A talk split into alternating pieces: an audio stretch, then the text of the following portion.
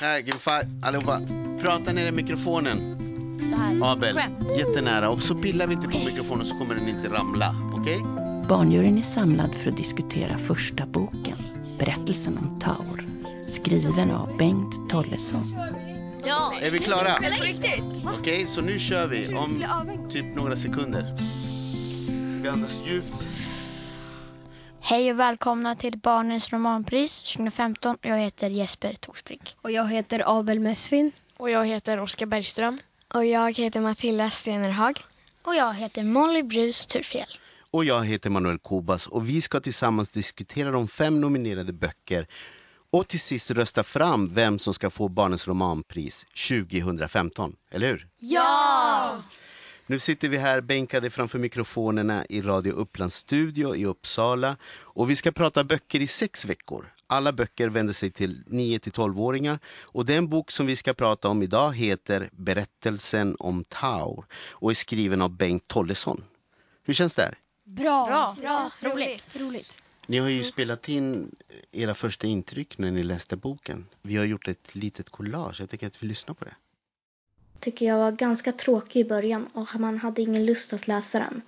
Men i slutet så blev den bättre. Nu har jag läst berättelsen om Taur. Jag bara undrar om den där Janine, jag får ingen riktigt uppfattning vem hon är. Va? Finns inte Nina-båten? Den är väldigt, väldigt bra att läsa. Man, man fastnar väldigt bra. Lite skräck och lite blixtstorm så här, om vad barn tycker. Det var det. Hejdå. Det var fantasy blandat med så här, en eh, tonåringsliv liksom. Massor med skämt och så. Ja, vad tänker ni nu när ni lyssnar på era första upplevelser när ni, direkt när ni hade läst den här boken? Lite skratt. Skratt.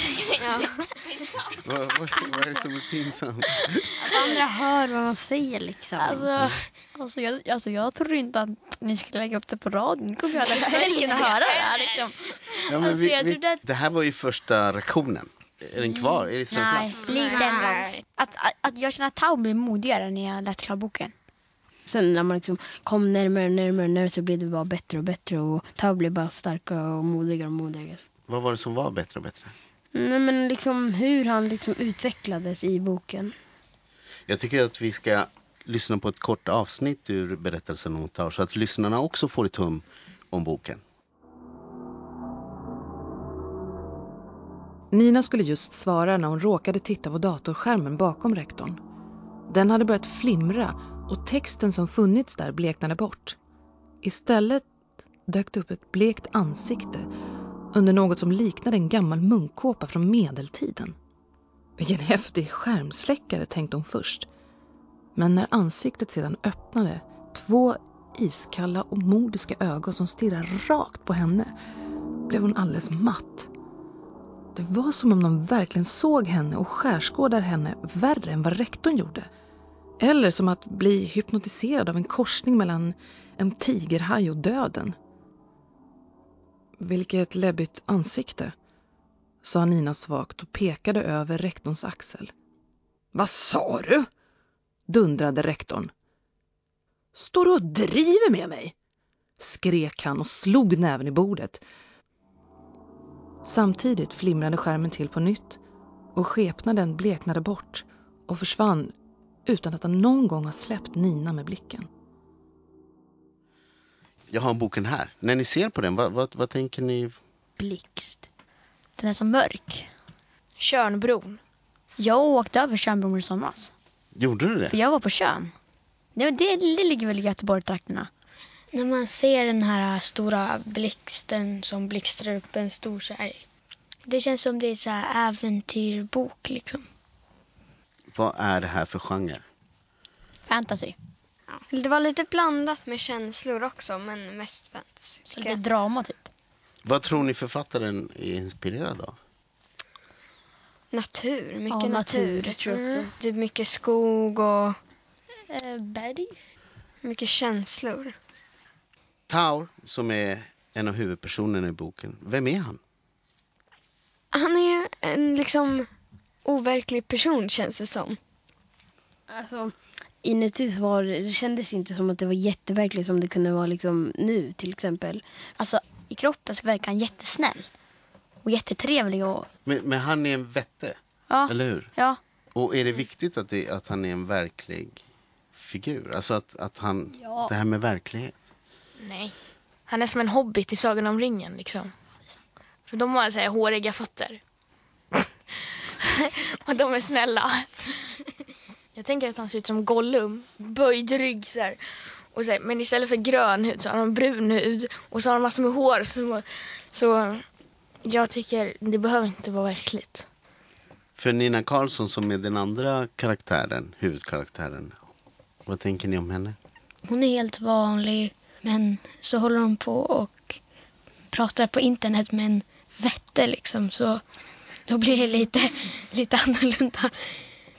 Men kan man känna igen sig i, i Taur? Han är ju så här ensam. Han har inga föräldrar liksom.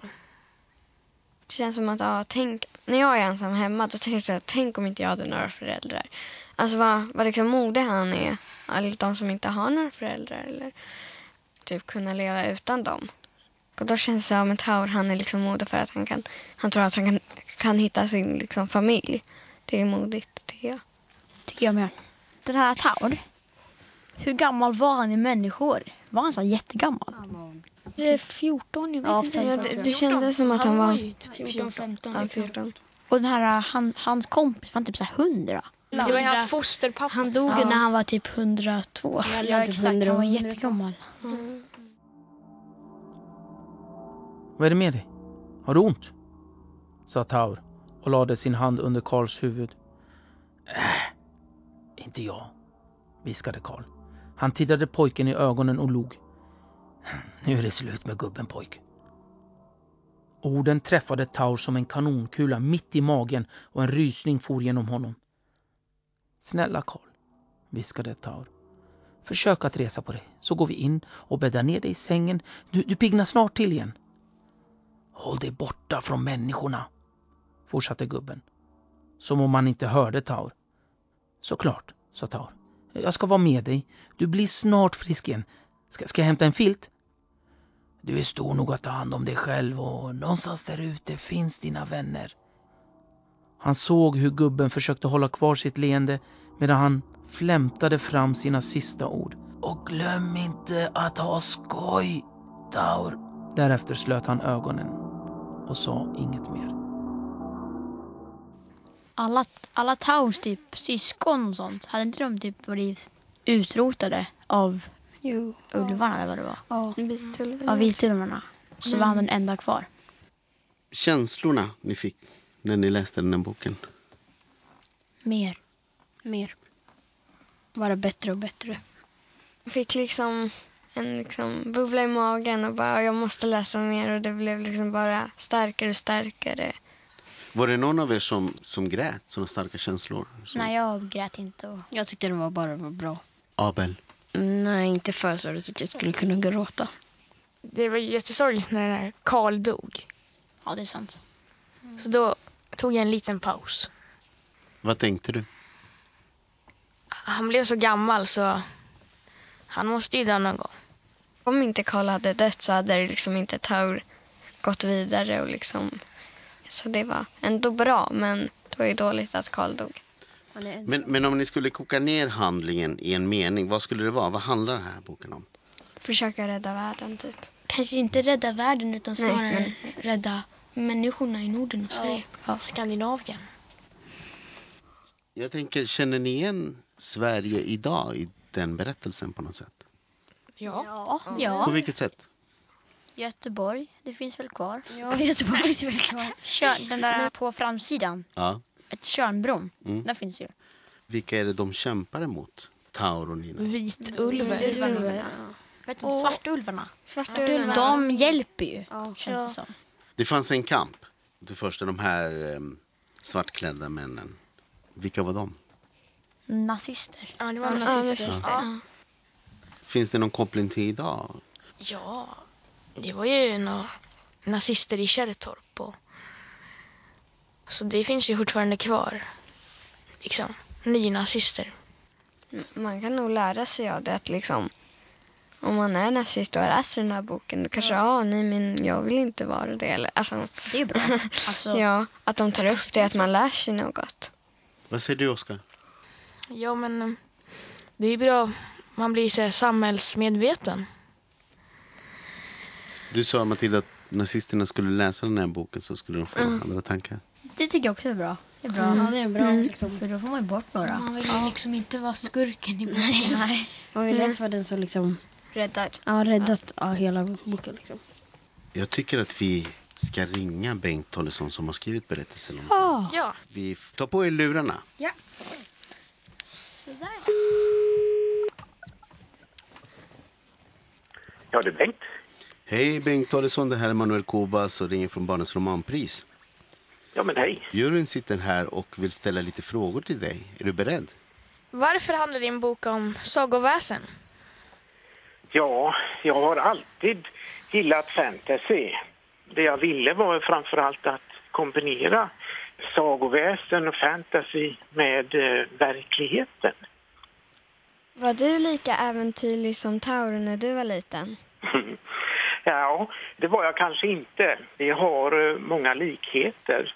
Kanske inte just eh, spralligheten och äventyrligheten. Snarare att vi, vi gillar naturen, att gå i skogen. Taure, det är ju en ganska ensam figur och eh, det kunde nog jag också vara i, under min tonårstid. Skulle Taur kunna vara en människa utan att ändra handlingen? Jättebra fråga. Ja, kanske. Han är, han är ju egentligen som vilken annan tonåring som helst. Han ser bara lite annorlunda ut. Varför är boken så lång? ja, det är väl för att jag har svårt att sätta punkt. Tack eh, Bengt Tollesson för att vi fick prata med dig. Hej då. Stort tack till er. Tack så mycket. Ja, tack så mycket. Hej. När Nina satte ögat mot titthålet kunde hon inte låta bli att tänka på det hemska ansiktet i datorn. Tänk om de mordiska ögonen glodde på henne från andra sidan dörren. Först såg hon ingenting och skulle just dra en suck av lättnad när hon upptäckte figuren i tomtedräkt. Hon drog häftigt in andan och stirrade igen. Det var utan tvekan samma person som räddat dem från nazisterna. Nina kom ihåg hur han hade blivit träffad av kniven och förstod att han måste vara skadad. Har du ont? Figuren ryckte till och tittade upp. Ja, viskade han. Är du Nina? Ja, vänta där så ringer jag efter en ambulans åt dig. Nej, snälla du, gör inte det. Då måste jag fly igen. Och jag orkar inte mer. Vem är du då? Viktor, svarade han tyst. Viktor! Kunde det verkligen vara han? Hennes gamla internetkompis? Vännen som hon trott inte fanns? Vännen som hon trott var påhittad av en gammal pervers gubbe? Han känns cool. Cool. H alltså han är som en Harry, Potter. Modig på något sätt. När han typ hoppade, att när Nina var med kompisar och så kom det killar och så hoppade han ner och hjälpte till. Det. Ja, då, då, då, då, då, då, då, var, då var han ju väldigt modig. Det, det modig. kallar jag vara cool. Exakt. Tack för idag. Tack. Mm. Nästa vecka pratar vi om boken Inmurade av författaren Lena Olmark. Ja. ja. Vad är det för bok då? En rysare. Den är liksom läbbig. Tack så mycket Tack. för idag. Hej. Hej! Hej, hej. Barnens romanpris är en samproduktion mellan Sveriges Radios kulturredaktion och URs barnredaktion. Alla program kan du hitta på barnwebben. Sök efter Barnens romanpris på sverigesradio.se. Bokcitaten lästes av Ös Nöjen och Gloria Tapia. Programledare Manuel Kobas. Ljudtekniker Aurélie Ferrière och David Hellgren. Producent Ylva Mårtens.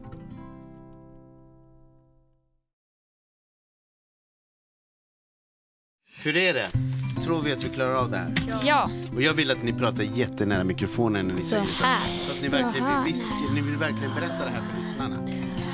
Nu är barnjuryn samlad igen för att prata om den andra boken, Inmurade, skriven av Lena Olmark. Känns det bra? Ja. Ja. Är ni alla beredda? Ja. Ja. Prata rakt in i micken varje gång ni ska säga någonting. Så här. Nu kör vi! Okej. Hej och välkommen till Barnens romanpris 2015. Och jag heter Abel Mesvin. Och jag heter Matilda Stenerhag. Och jag heter Jesper Torsbrink. Och jag heter Molly Brys Turfjäll. Och jag heter Oskar Bergström. Och jag heter Manuel Kobas. Välkomna tillbaka till radiostudion i Radio Upplands lokaler i Uppsala. Den här veckan kommer vi diskutera nästa bok i vår trave med de fem nominerade. Och de andra böckerna kan ni hitta på vår hemsida. Vet ni adressen dit? Du söker på www.sverigesradio.se och så söker du på Barnens romanpris. Perfekt. Nu sätter vi igång. Det finns mycket att prata om. Den här veckans bok heter Inmurade och är skriven av Lena Ollmark. Ni har ju spelat in era första intryck och vi har gjort ett litet collage som vi ska lyssna på. Den här boken, den är läskig. Lärar, den där lärarinnan är jätteläskig. Teddy och de har ju varit med, de är helt olika barn liksom. Finns det flera böcker? Den har en väldigt bra story och det är ingenting man kan klaga över på den. Det känns som en ganska vanlig bok liksom, en vanlig skräckbok på något sätt. Tack. Ja, det var de första intrycken när ni hade läst färdig-boken. Vad tänker ni idag? Jag har ungefär samma intryck. Alltså sen när jag tänkt till lite kändes den ännu spännandare. Det här med läraren och att Teddy kom in med riset och räddade och så kanske någon vecka efter. Då hade jag fått fem tankar till. Den Ja. stannar kvar i dig. Ja. Och sen kom det ut liksom. Alltså första gången jag läste det, jag tyckte det var roligare att läsa än andra gången. Då visste man liksom vad som skulle hända och typ, då satt man och bara liksom, ja ah, nu kommer det här. Vi lyssnar lite på en bit ur boken. Ja. ja. Varsågoda. Ja.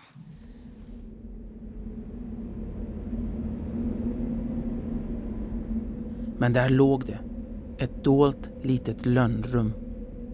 Det var bara några meter brett, utan dörrar eller fönster. I ordnade rader stod ett antal mycket gamla skolbänkar. Längst fram stod en kateder. På väggen bakom den hängde en griffeltavla. På en annan ett krucifix med den lidande Jesus. Det såg ut som ett mycket litet klassrum. Hela utrymmet var täckt av ett tjockt lager damm. Luften där inne var tung och instängd. På ett par av bänkarna låg gamla skolböcker fortfarande uppslagna. Framme vid katedern hade någon vält en stol. Arbetarna stannade upp. Det var något så märkligt med det lilla utrymmet.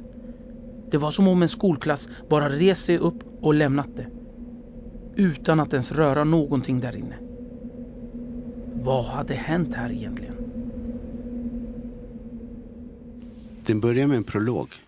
Det var ju byggarbetare som hade, eller skulle renovera skolan. Att man ska typ kanske veta vad som har hänt liksom innan det. Alltså. Om man inte vill liksom skriva det i själva berättelsen. I den här prologen så berättar man om byggnadsarbetaren Andersson som hittade några saker när de skulle renovera skolan. Varför sa inte byggarbetarna någonting om de inburade klassrummen tror ni? De ville inte att alla skulle bli så himla rädda och bli skräckis så inte de skulle vilja gå där nere i skolan. Då kanske det skulle komma så här, typ arkeologer och kolla. Och sen skulle de inte få bygga klart skolan så skulle de inte få några pengar typ. Det är ju en skola så man vill ju inte skrämma barnen som går på skolan. Natta hörde sin egen puls dunka i öronen. Men sedan hörde hon någonting annat också. Ett ljud. Det var vindspelet. Skrattet. Samma ljud hon tyckt sig höra när hon gömt sig under bänken på eftermiddagen. Men nu var ljudet starkare. Det var ett barn som skrattade. Och det klingade med ett overkligt eko. Natta såg sig om i mörkret. Skrattet rörde sig fram och tillbaka runt henne. Som om det retades.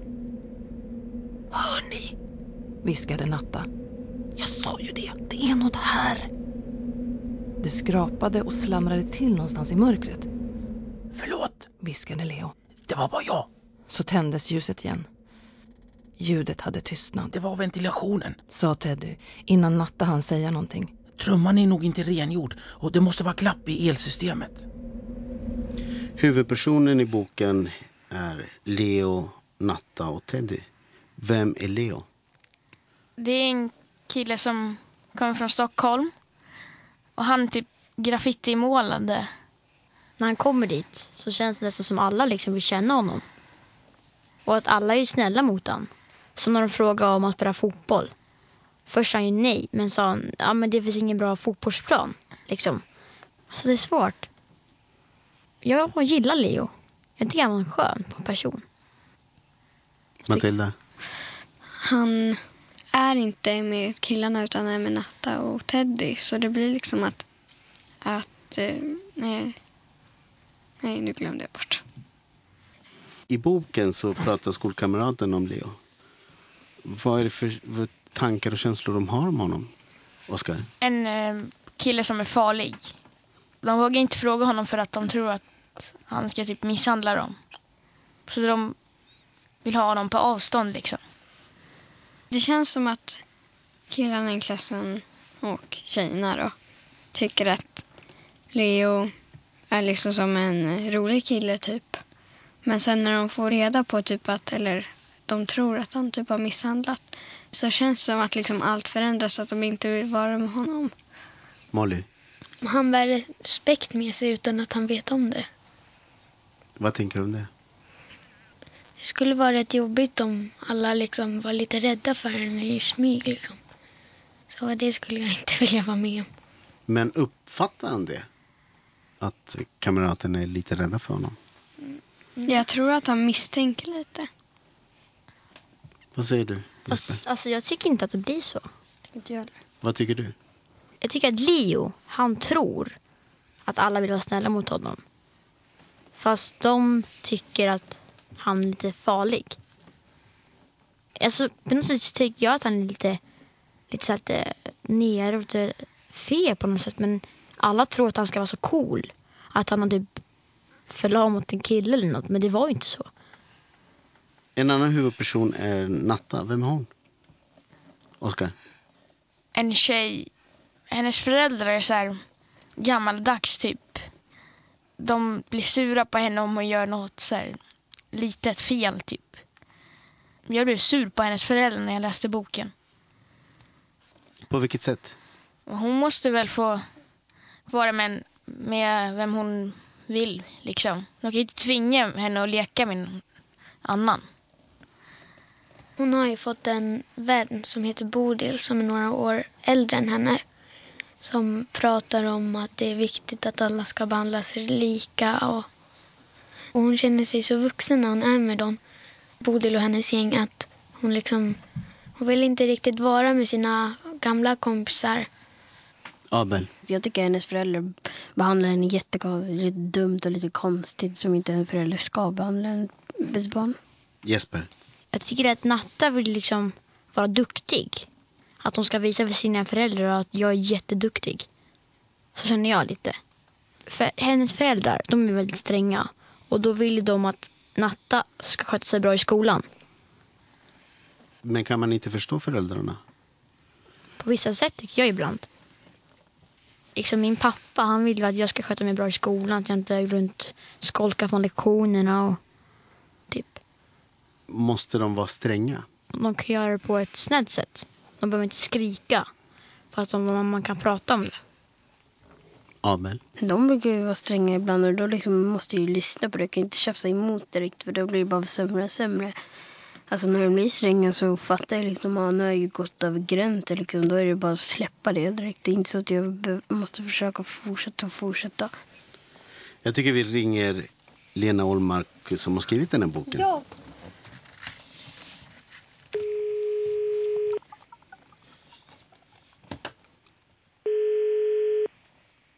Lena?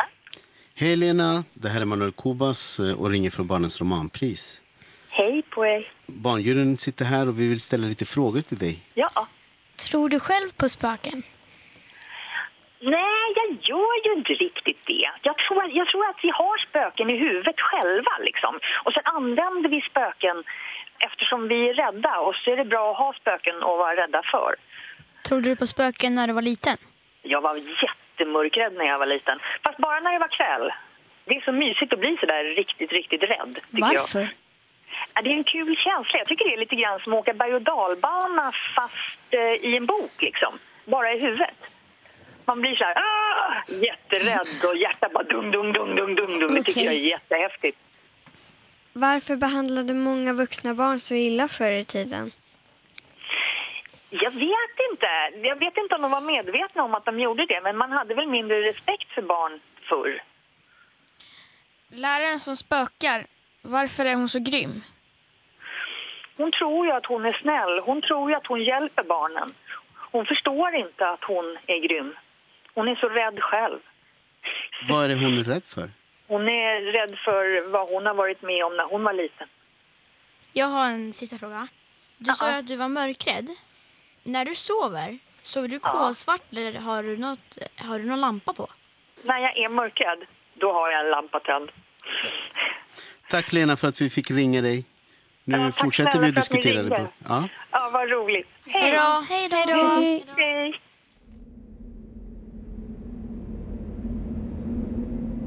- 20 februari 1919.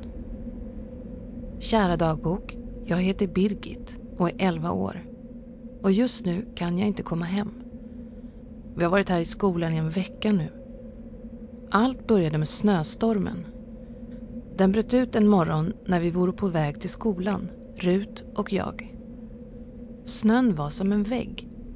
Vi sökte skydd i ett dike. Vinden var så kall. Jag trodde att vi skulle lämna detta livet. Tack och lov fann Erik oss och hjälpte oss till skolan. Det stormar fortfarande där utanför. Fröken säger att allt hemskt som hänt den sista tiden är Guds straff och att vi nu måste bedja om förlåtelse. Vem passar som läsare för den här boken? Menar du ålder? Ja. 12. Alltså den kan läsas av alla. Av både vuxna. Jag tror att gamlingar också kan läsa sådana. Om de är såklart inte intresserade av böcker så tror jag det. För de är, den här är ändå en helt okej bok. Alltså jag tror att den inte skulle passa som typ högläsningsbok för typ två år. För att då kanske läraren inte slutar läsa även när det blir läskigt. Och då kanske tvåorna sitter och är jätterädd och drömmer mardrömmar utan att våga berätta att de blev rädd för boken. Den skulle kunna passa som högläsningsbok i en äldre klass, typ femman, sexan. För det handlar ju om skolan och sånt. Så det skulle blivit lite extra pirrigt. Sånt. När ni läste boken, kunde ni lämna ifrån er boken? Nej. Speciellt i slutet. Då gick det inte. Det var helt för spännande. Ibland så ville jag inte läsa mer för att det var för läskigt. Så då la jag ifrån det. När du ville lägga ifrån dig det, vad var det för känslor? Vad var det för tankar? Då skulle jag inte kunna koncentrera mig på läsningen. Det var så pass läskigt för dig. Mm. Tack så mycket för idag. Tack så mycket. Tack så mycket. Nu är det slut den här veckan. Men vi hörs nästa vecka igen. Samma tider i samma kanaler. Vilka ska vi prata om då? Mm. Vi ses Mm. också. Och vad handlar den här boken om? En tjej som vill ljuga. Hon är så ensam för hennes föräldrar är typ på sjukhuset. För hennes lillebror föddes för tidigt. Det pratar vi om nästa vecka. Barnens romanpris är en samproduktion mellan Sveriges Radios kulturredaktion och URs barnredaktion. Alla program kan du hitta på barnwebben. Sök efter Barnens romanpris på sverigesradio.se. Bokcitaten lästes av Ös Nöjen och Gloria Tapia. Programledare Manuel Kobas. Ljudtekniker Aurélie Ferrière och David Hellgren. Producent Ylva Mårten.